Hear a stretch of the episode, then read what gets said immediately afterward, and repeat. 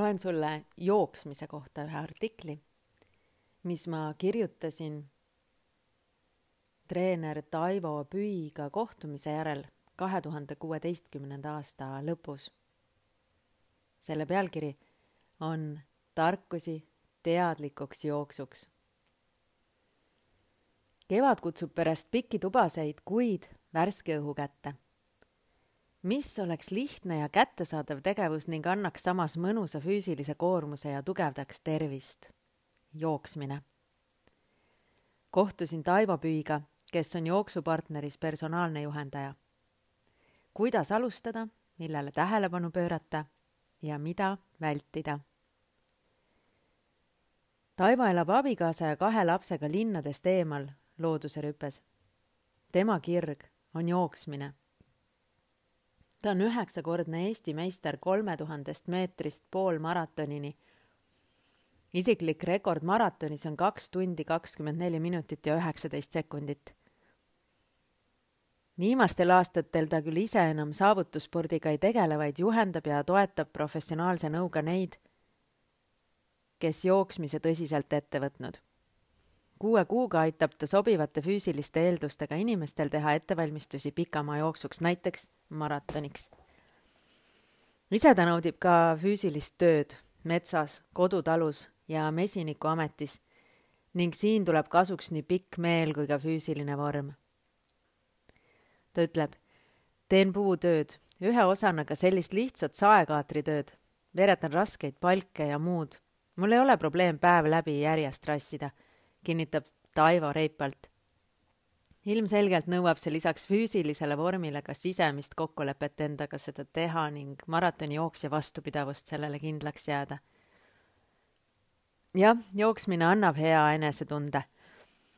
sooritusvõime, elukvaliteet paraneb boonuseks hea vorm ning teadmine, et füüsilise vastupidavuse arendamine võrdub vaimse vastupidavuse paranemisega joostes vallanduvad õnnehormoonid ja settivad mõtted.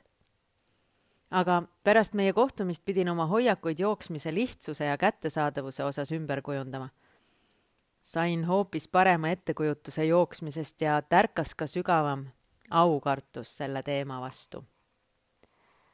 Taivo poole pöördutakse tavaliselt mingile resultaadile suunatud jooksutrenniga kui hakata mõtlema tulemusele, võiks esimeseks pikamaa eesmärgiks valida kümme kilomeetrit või äärmisel juhul pool maratoni, aga mitte kohe maratoni, arvab ta. tavaliselt ma tõmbangi eesmärgi kohe rahulikumaks, teatab ta sulnirahuga. kui aga regulaarset trennikogemust pole, soovitab Taivo esimese asjana pigem minna lihtsalt jalutama ja teha oma elu aktiivseks, planeerida autovaba aega piimapaki järele ei pea ju autoga minema. sellised käimised saab jala teha. Enne jooksutrennile üldse mõtlema hakkamist võikski olla lihtsalt palju jalgsi liikumist, soovitab ta. seega esimene samm jooksu poole on jalutamine. teiseks on kõndjookstüüpi treeningud, kus jalutuskäigu sisse tuuakse sörki või kergeid jooksuosasid. näiteks viis minutit kõndi vaheldub viie minuti rahuliku jooksuga kõnnipauside ajal peab pulss kindlasti taastuma normaalseisundisse. Alles kolmandaks näiteks neli jooksu nädalas, nendest üks fartlek ja kolm, kolm rahulikku jooksu. fartlek, see on hea treeningvahend tervisesportlasele, ehkki see on kasutatav ka edasijõudnutele. see on rootslaste leiutatud hea tundejooks, millel on miljoneid variante, naerab Taivo. ja see on väga lihtne aeroobne rahulik jooks vaheldub kiirete spurtidega.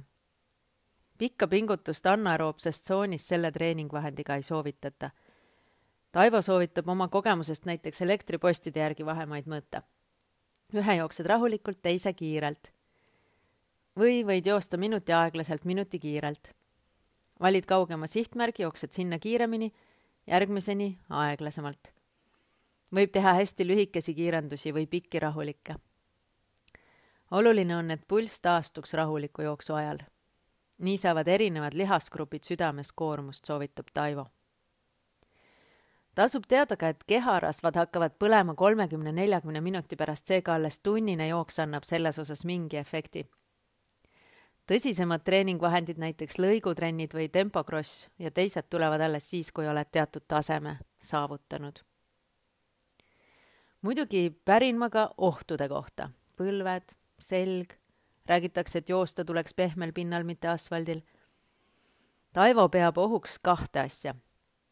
et inimesed jooksevad liiga kiiresti, oma võimeid üle hinnates, või siis, ja siinkohal tuli minu jaoks üllatus alatase liiga aeglaselt, mugavustsoonis. kui soovitakse treeningplaani ja uurin, kuidas ja millist trenni on eelnevalt tehtud, vastatakse sageli, et käin kogu aeg jooksmas ja alati on nii mõnus ühe tempo ja ühe pulsiga. Aga see on levinud viga, hoiatab Taivo. ainult rahulikult ei tohi tegelikult joosta, kinnitab ta ja räägib oma kogemusest palju aastaid tagasi, mil ma ei teadnud treeningvahenditest ja praktikatest, oli mu emal kirjakandjana postiring kolmteist kilomeetrit. võtsin lehepaki ja viisin selle jooksuga laiali. jooksin niinimetatud mugavustsoonis, aga tegelikult peab aeg-ajalt ka kõrgemat pulssi kasutama. Kui jooksed kogu aeg ühe tempoga, arenevad südame ühe grupi lihased ühekülgselt ja sellega võivad kaasneda südamerütmi häired. kardiogramm läheb paigast ära see ei pruugi enesetundes väljenduda, aga lähed koormustesti tegema, siis arstid imestavad. vasaku vatsakese hüpertroofia, vasak va-, vahelihas areneb teistest lihastest nii palju ette. selle vältimiseks tuleb leida kesktee, ka raskemaid trenne teha, mis pole nii mugavustsoonis. kirjanduse järgi peaks üheksakümmend protsenti olema aeroobne ja kümme protsenti anaeroobne trenn. praktikas olevat neid protsente raske jälgida Taivo pakub, et kui teha viis trenni nädalas, siis üks neist võiks olla kõrgema pulsiga. samuti peab Taivo ohuks seda, kui alustatakse liiga suurte koormustega. inimese organism ei kannata järske üleminekuid. Südame-veresoonkond ning tugi- ja liikumisaparaat kohanevad koormuste kasvuga tasapisi. keha kohandamine koormustega peaks toimuma pikema aja jooksul ja järk-järgult, kuni jõutakse maratoni võimeteni hädad põlvede ja seljaga tulevad sellest, et piisav ettevalmistus puudub ja oluline on ka teada, et jooksutreening ei koosne tegelikult ainult jooksmisest, selgitab Taivo. ta rõhutab, et ka üldkehaline ettevalmistus on oluline. Pika distantsi läbimiseks peab lihasgruppe kohandama ja järgi aitama. lihastreening on hästi oluline. näiteks maratonijooksjal peaks olema niinimetatud raam, kõht, selg, küljed hästi tugev see neljakümne kahe kilomeetri läbimine on meeletu koormus, hoiatab ta.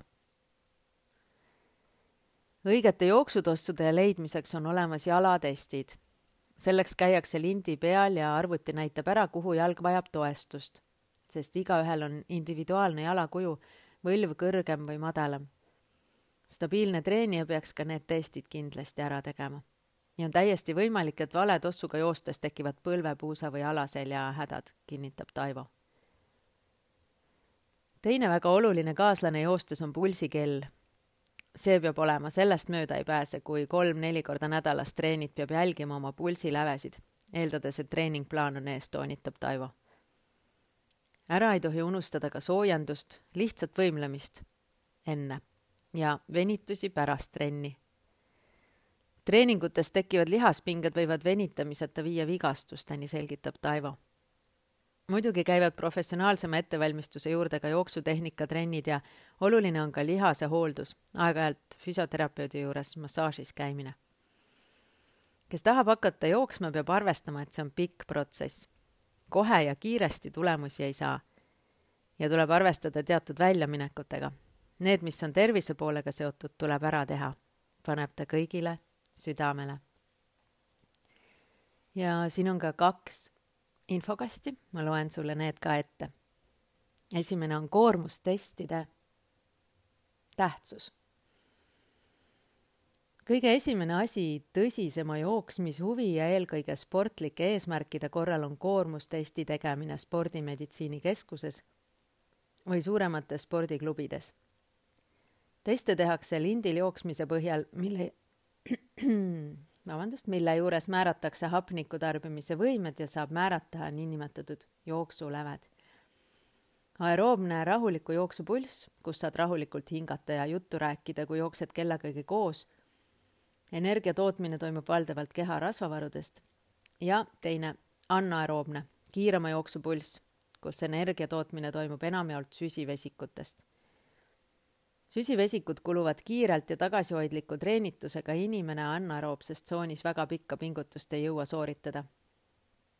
kui ainult hea tunde pärast käia jalutamas ja sörkimas, siis selle jaoks pole otseselt teste vaja. testid siis, kui väike jooksu eesmärk peaks tulevikus tulema, mõtiskleb Taivo ja siis veel kuus jooksmise kuldreeglit. üldiselt toonitab Taivo igal sammul, et oleme kõik erinevad ja lähenema peaks väga individuaalselt.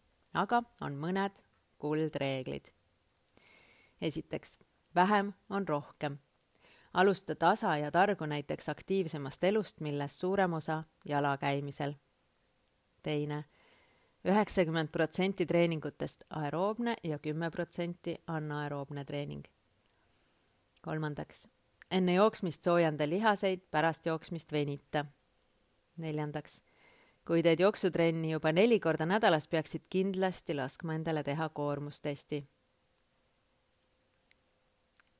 viiendaks, ära unusta piisavalt juua. kuuendaks, küsi julgelt nõu treeneritelt. Jah, mõnusat ettevalmistust ja jooksmise nautimist.